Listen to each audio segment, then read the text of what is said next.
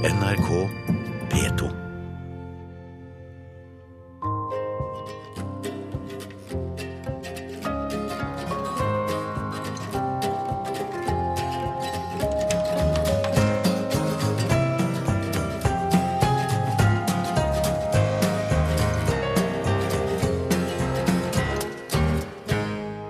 Er du blant dem som husker barndommens somre som en uendelig rekke av dager med sol og blå himmel? Det gjør ikke jeg. Og jeg er Kjersti Løken Stavrum. Jeg har vært journalist og redaktør i mange år. Nå er jeg generalsekretær i Norsk Presseforbund. Og grunnen til at jeg vet at det ikke alltid var pent vær i de gamle somrene, er at på hytta hos oss måtte vi bade i all slags vær, morgen og kveld. Jeg må starte min sommer i P2 med å minne om regntunge somre, fordi det tegner seg et mønster ut av hva jeg har lyst til å fortelle, og det hele blir en sum av små, men viktige historier som jeg syns har vært formende. Historier om at livet som regel er sånn midt på treet, men innimellom krevende, og kanskje en sjelden gang fantastisk, og at det er helt fint. Og fordi vi måtte bade uansett vær da vi var på sommerferie, kan jeg med hånden på hjertet love at det var mange sommerdager med kaldt regn da jeg var liten. Vi gjorde ikke opprør mot pappas ufravikelige krav om bad, men jeg kan heller ikke huske at dette var noe jeg alltid så fram til da vi løp fra hytta og ned til vannet, og hytta ligger et lite stykke unna. I regn, og derfor uten håndkle, av praktiske årsaker. Men må du, så må du. Min psykologvenninne sier at våre egne foreldre er de sterkeste rollemodellene vi har når vi selv blir foreldre. Du trenger ikke bli som dem, sier hun, du kan bli bedre. Så når jeg nå i voksen alder står på brygga midtvinters i badedrakt og lue og syns det er irriterende at barna ikke vil være med å bade, så lurer jeg på om jeg er blitt bedre eller verre forelder. Som journalist bør man søke etter nøkkelopplevelser hos intervjuobjektet hva har vært avgjørende, hvor er vendepunktene i livet, hvilke lange tråder løper i livsveven? Dessverre blir så mange mennesker intervjuet når de står på en topp i karrieren eller når de skal lansere et eller annet, og da kan det fort bli nettopp en fin fortelling om sol, blå himmel og godt værvarsel. Kanskje ispedd en tilbakelagt motgang for dramaturgiens skyld. Det viktigste er visstnok ikke hvordan du har det, men hvordan du tar det. Mange har tjent store penger på å lære oss vanlige folk betydningen av å håndtere vanskelige situasjoner, slik at vi kan gå seirende ut av dem. Det er selvfølgelig også helt sant, men sannheten er også at livet ikke er en selvutviklingsbok. Vi kan ikke bare krysse av og gå videre. Det er vanskelig, det er krevende, og det er i alle fall ikke en vei som går rett framover. Å bli utsatt for noe man synes er urettferdig, urimelig eller uriktig, er ikke alle gitt å ta på strak arm, med løftet hode og et offensivt sinn. Det kan være usedvanlig krevende å bli utsatt for noe man føler seg krenket av. Dette ser jeg hver dag fordi vi i Norsk Presseforbund mottar alle klager mot de redaktørstyrte mediene i Norge. Noen klager er sånn at det er lett å se at denne presseomtalen har gjort vondt, at den har tatt krefter, uavhengig av om det faktisk er skjedd et brudd på Vær varsom-plakaten eller ei.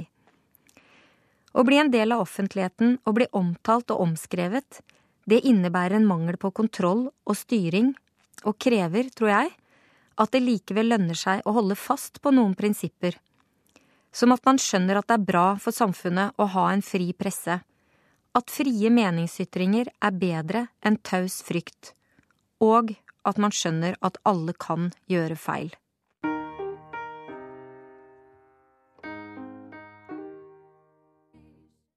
Festen var over. Det hadde vært reunion eller gjensynsfest ett år etter videregående skole. De færreste av oss hadde rukket å reise langt på det året, men det var noe hyggelig å møtes igjen på denne kafeen hjemme i Askim likevel. Men nå var altså festen over, og han som jeg hadde hatt et klart inntrykk av at hadde noe på hjertet denne kvelden, skjønte at han måtte si det nå. Ellers kunne det jo gå år til neste gang sjansen bød seg. Så idet lysene var skrudd på og jeg samlet sammen jakke og veske, kom det endelig. Du, det er én ting jeg lurer på. Broren din er jo utrolig god til å spille fotball, og søsteren din er kjempegod til å spille håndball, Men du, du kan jo ingenting.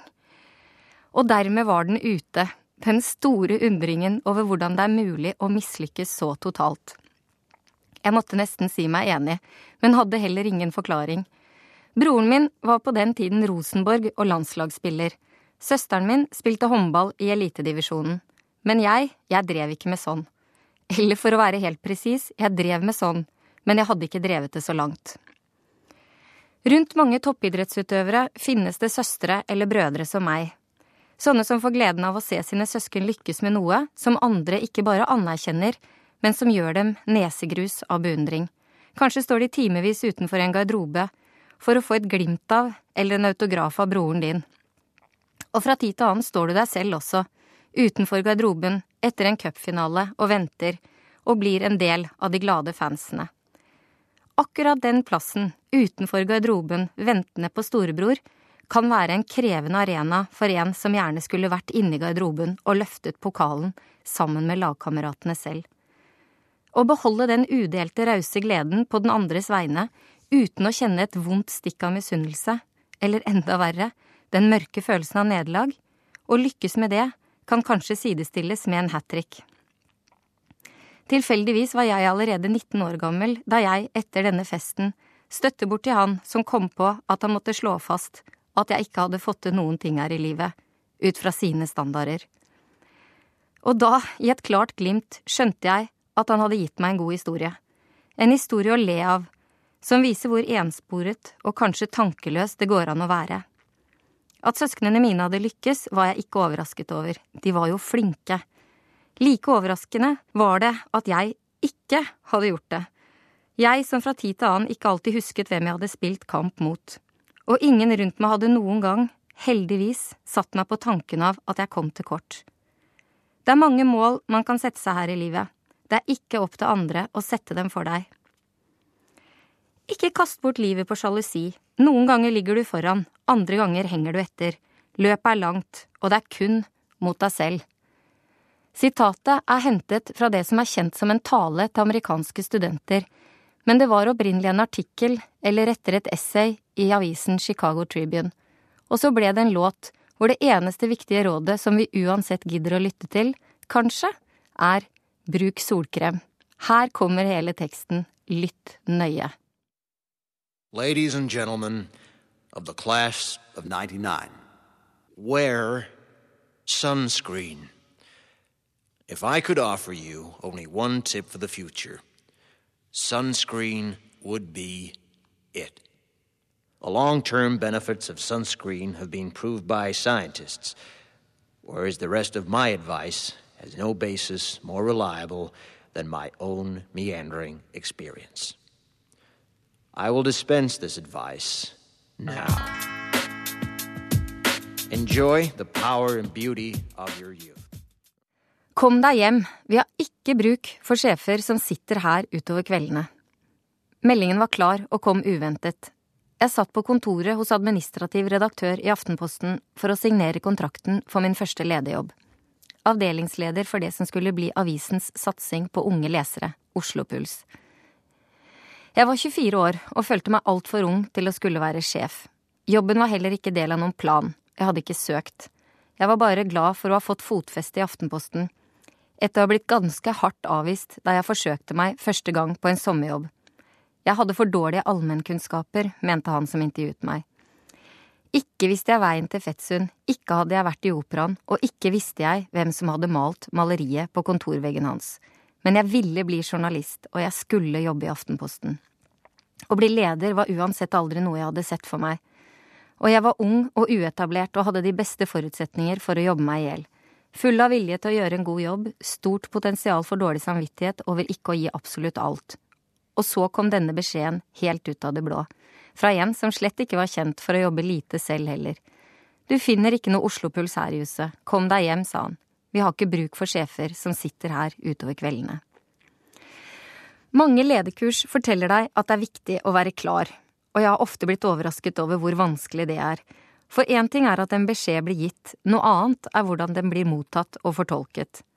Den nevnte beskjeden ga meg et intenst lederliv mellom klokken åtte og fire. Jeg følte en klar forventning om ikke å være fysisk på jobb etter normalarbeidstid. Dette er godt over 20 år siden nå, og innledningen til flere lederjobber. Gjennom disse årene har jeg fått barn, hund og katt, hus og lån og alt som hører til voksenlivet. Jeg har vært på mange lederkurs, seminarer og vært utsatt for en rekke evalueringer, hemmelige og åpne, og en serie medarbeidersamtaler, selvfølgelig. Men hvis jeg skal peke på én tilbakemelding som står ut og som har vært avgjørende for meg, så er det akkurat denne, for den satt en grunnleggende standard og var rett og slett frigjørende. Jeg har stort sett kunnet gå hjem til normal tid uten å ha dårlig samvittighet for det. Jeg har sluppet å føle det japanerne åpenbart kjenner på, at det å sitte på kontoret med lyset på har en verdi i seg selv. Det har det ikke.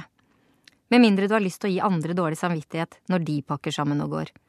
Jeg har heller aldri latt jakken henge igjen på stolen, som italienerne, slik at noen kan tro at jeg straks er tilbake. Beskjeden om å komme meg hjem, at det ikke fantes noe faglig påfyll inne i redaksjonslokalene, tolket jeg som at det viktigste er hva du får gjort, og at du har et eget ansvar for faglig påfyll, og at det ikke skjer i komfortsonen blant gode kolleger. I alle fall ikke for en som jobber med samfunnet. Ettersom mitt arbeidsliv har funnet sted innenfor mediebransjen, sier det seg selv at det har blitt en slags døgnkontinuerlig drift, men det har vært til å leve med. Og jeg har vært heldig. Fordi alle vi som har kastet oss ut i oppgaver vi ikke visste om vi håndterte de siste 20 årene, har kunnet nyte godt av den digitale utviklingen som har løpt parallelt. Teknologi er et undervurdert våpen i arbeidet for likestilling. Likestilling, kvotering av kvinner til ledende stillinger og andel kvinner i arbeidslivet blir som regel sett på som resultat av en politikk. Men blant mange tiltak som politikerne tar æren for, og noen forslag som har vært mer stigmatiserende, har det vært liten oppmerksomhet rundt betydningen av gode teknologiske løsninger. At teknologien har gjort det mulig å faktisk ha en krevende lederjobb og et godt familieliv med barn. Vi kan godt spøke med det å være multitaskere og ha hodet i en mobiltelefon stadig, men hvordan ville det vært uten? Vi hadde vel sittet der på kontorene våre og hatt dårlig samvittighet for dem som var hjemme, eller vi hadde takket nei til jobbutfordringen. Alle fortjener en god sjef. Det mantraet mannet jeg meg opp på da jeg som 24-åring var den yngste i avdelingen og samtidig avdelingsleder. Jeg syntes det gikk på selvtilliten løs. Men alle fortjener en god sjef, uansett bakgrunn eller forutsetning. Den påminnelsen hjalp meg, og jeg har selv hatt mange gode sjefer, og en av dem var klok nok til å be meg om å komme meg hjem på et tidspunkt som var helt kritisk for meg.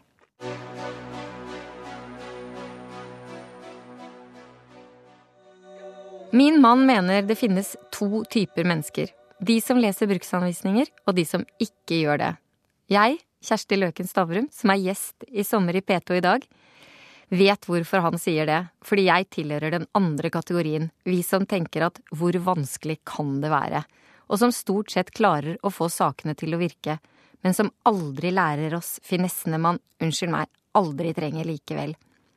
Sånne som oss, sånne som humper av gårde uten å lese bruksanvisninger, kan være veldig irriterende for dem som setter seg inn i tingene og leser bruksanvisningene nøye. De som og det må jeg innrømme, må ropes på hvis noe uforklarlig skjer. Men hvor ofte skjer det egentlig? Jeg derimot mener at det finnes to andre typer mennesker. De som tror at verden går framover, og de som hevder at alt var bedre før. Og her er jeg i første gruppe. Verden går framover, stort sett. På tross av at vi fremdeles lever i en tid med kriger, flyktningekatastrofer og fattigdom, er de store statistikkene på rett vei. Verden går framover. Det er nok klare fordeler ved å mene at ting var bedre før, og særlig hvis bedre før-perioden sammenfalt med da de som hevder det, selv var en del av den perioden. Og det er de ofte, har jeg lagt merke til. Tiden for den beste barndommen, tiden for det beste skolevesenet, for ikke å si tiden for den beste musikken. Det er, vil jeg tro, kanskje personlig komfortabelt å ha vært med på det beste selv. Men hvor interessant er det å leve baklengs? Og hvor sant er det at ting var bedre før? Politikerne snakker ofte om valgfrihet, men den egentlige valgfriheten er det livet vi i vår privilegerte samtid kan nyte godt av. I vår tid er det ikke lenger slik at vi slutter å gjøre noe fordi vi blir eldre. Vi tvert imot begynner med stadig nye ting fordi vi kan og vil. Alder er ikke en pekepinn på hvordan folk er, det er bare et resultat av det året du ble født. Spørsmålet er om du lever fremdeles, og det gjør mange til fulle. Jeg tror på et liv før døden, sier en god venn av meg. I en tale jeg nylig hadde gleden av å høre, minnet taleren oss om betydningen av å følge våre drømmer. Vi er forpliktet til det, sa han, for det er derfor livet har oss på gjestelisten. Det var bra sagt. Men vanskelig. Å følge sine drømmer høres avskrekkende stort ut. Jeg har alltid trivdes best med den tryggheten det er å utsette meg selv for nye ting. Nye motbakker og nye utfordringer. Og gjøre så godt jeg kan. Jeg har aldri drømt om å gå på månen. Vi har sikkert alle et mentalt bilde på hvordan livet vårt er. I mitt mentale bilde er livet et stort miksebord med et utall knapper og spaker, og min oppgave er å justere på disse hele tiden, slik at dagene, ukene og årene får de innslagene av variasjon og ny påvirkning som er nødvendig for meg. Og fra tid til annen misunner jeg barn som har fått vår tids digitale nyvinninger opp i hendene, og som kan ta det som en selvfølge. De kan fotografere uten å tenke på at filmen koster penger, ikke fremkallingen heller. De skal aldri bruke timer i bankkø for å betale regninger. De kan se film på iPaden på toget, og de slipper tårevåte avskjeder med nye venner etter en sommerferie. For de kan bare bygge opp et stort nett av venner gjennom hele livet og holde kontakt med dem så enkelt som det. Men det de ikke har, og det er jo en trøst, er den dype gleden over å vite hvilken enorm forbedring alt dette representerer. Da jeg var liten, fortalte morfar om sin tur inn til byen for å kjøpe lyspære, og hvordan det var å se lys i den mørke kroken i stua for første gang. Da skjønte jeg at han var fra steinalderen. Men han syntes heller aldri at det var bedre før, heller ikke da det var mørkt i kroken.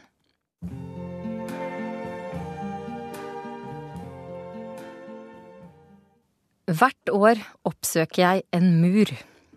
I over ti år har jeg reist sammen med en liten gjeng venninner til et sted der det er, eller har vært, en mur av betydning, og så gjør vi den muren, som vi kaller det. Dette er blitt årets mest meningsfulle avbrekk fra hverdagen.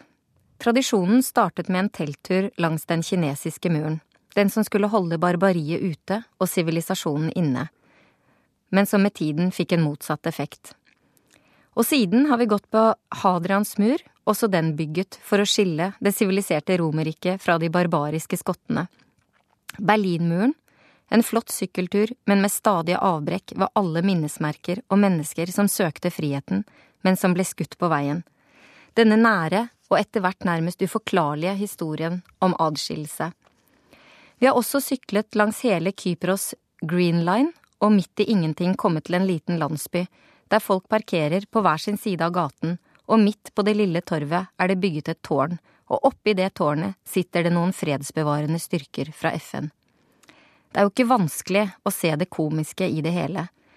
Eller som den argentinske diplomaten vi tilfeldigvis traff på da vi syklet inn i hovedstaden Nikosia. Han sa det er som en film av Felini, alle disse mennene som kaster bort livet sitt. Og ja, et lite stykke unna satt to unge menn inni nærmest en liten pølsebod med sandsekker rundt. Ikke akkurat en bastion, og heller ingen mur. Mer et symbol på hvilket trist syn det er når folk ikke klarer å leve side om side. Årets tur er akkurat avsluttet. Den gikk til Belfast og Derry.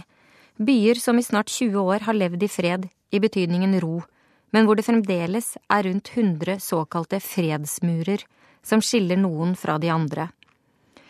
Og den unge mannen som viser oss rundt og forteller om nabolaget sitt der han så en mann bli skutt på kloss hold, og som vokste opp med en far i IRA, han forteller at fem av kompisene hans har tatt livet sitt. Og alltid, når vi går disse murene, og det tar gjerne noen dager, er det mange tanker som rekker å bli tenkt, om murer og grenser og anstrengelser for å holde noen eller noe på avstand så påfallende mange krefter er lagd i å bygge og holde på murer. Som muren rundt Istanbul, datidens verdens mest motstandsdyktige, med formur og vollgrav og det hele, og nå ligger den der, en gjengrodd, løpende steinrøys, og en ropende kontrast til noe som en gang var viktig, og som nå bare blir vanskelig å forklare.